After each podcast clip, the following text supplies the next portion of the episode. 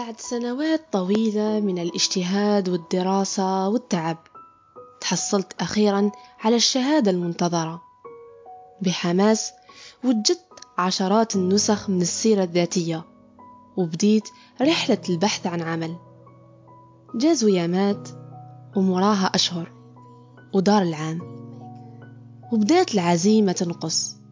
دخلت في اكتئاب والأحلام اللي بنيتها بديت تشوف فيها تتلاشى.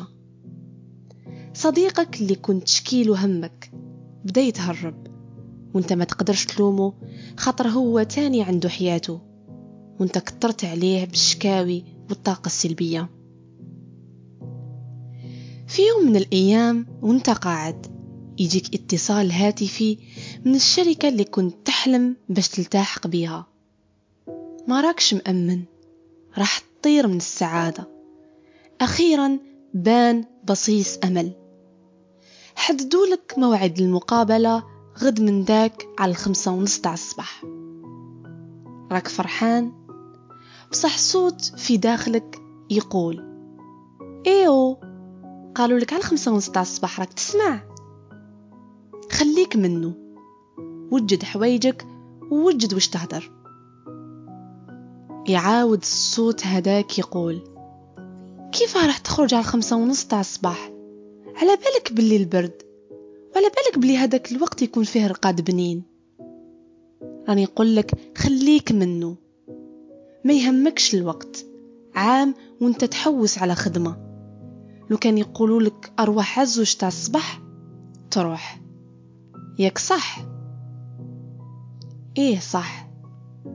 بصح علاه. خاطر هادي مقابلة أحلامك. عزيزي المستمع ألا أدلك على مقابلة لو لزمتها خمس مرات في اليوم كسبت الدنيا والآخرة؟ هي الصلاة ثاني ركن من أركان الإسلام عماد الدين وأول فريضة فرضت على المسلمين.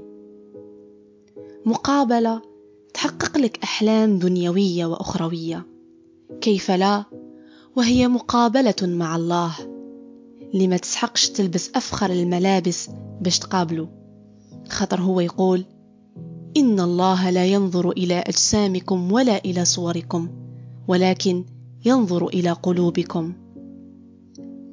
وما تسحقش توجد كلامك. خاطر هو يقول يعلم خائنة الأعين وما تخفي الصدور. يكفيك أن تقف بين يديه متواضعا متضرعا. وتخلي العالم كامل مراك وتقول الله أكبر. وأنت متيقن أن الله أكبر من كل همومك وأحزانك أكبر من كل ما يشغلك في هذه الحياة. كن معه كن في طريقه. يكن لك أعظم سند. أعزائي المستمعين والله لن تجدوا في هذه الحياة من يقابلكم خمس مرات في اليوم فقط ليستمع إلى شكاويكم. حتى أفضل صديق سيتذمر ولم لم يظهر ذلك علنا. الله يستمع إليكم الله يطبب جروح روحكم.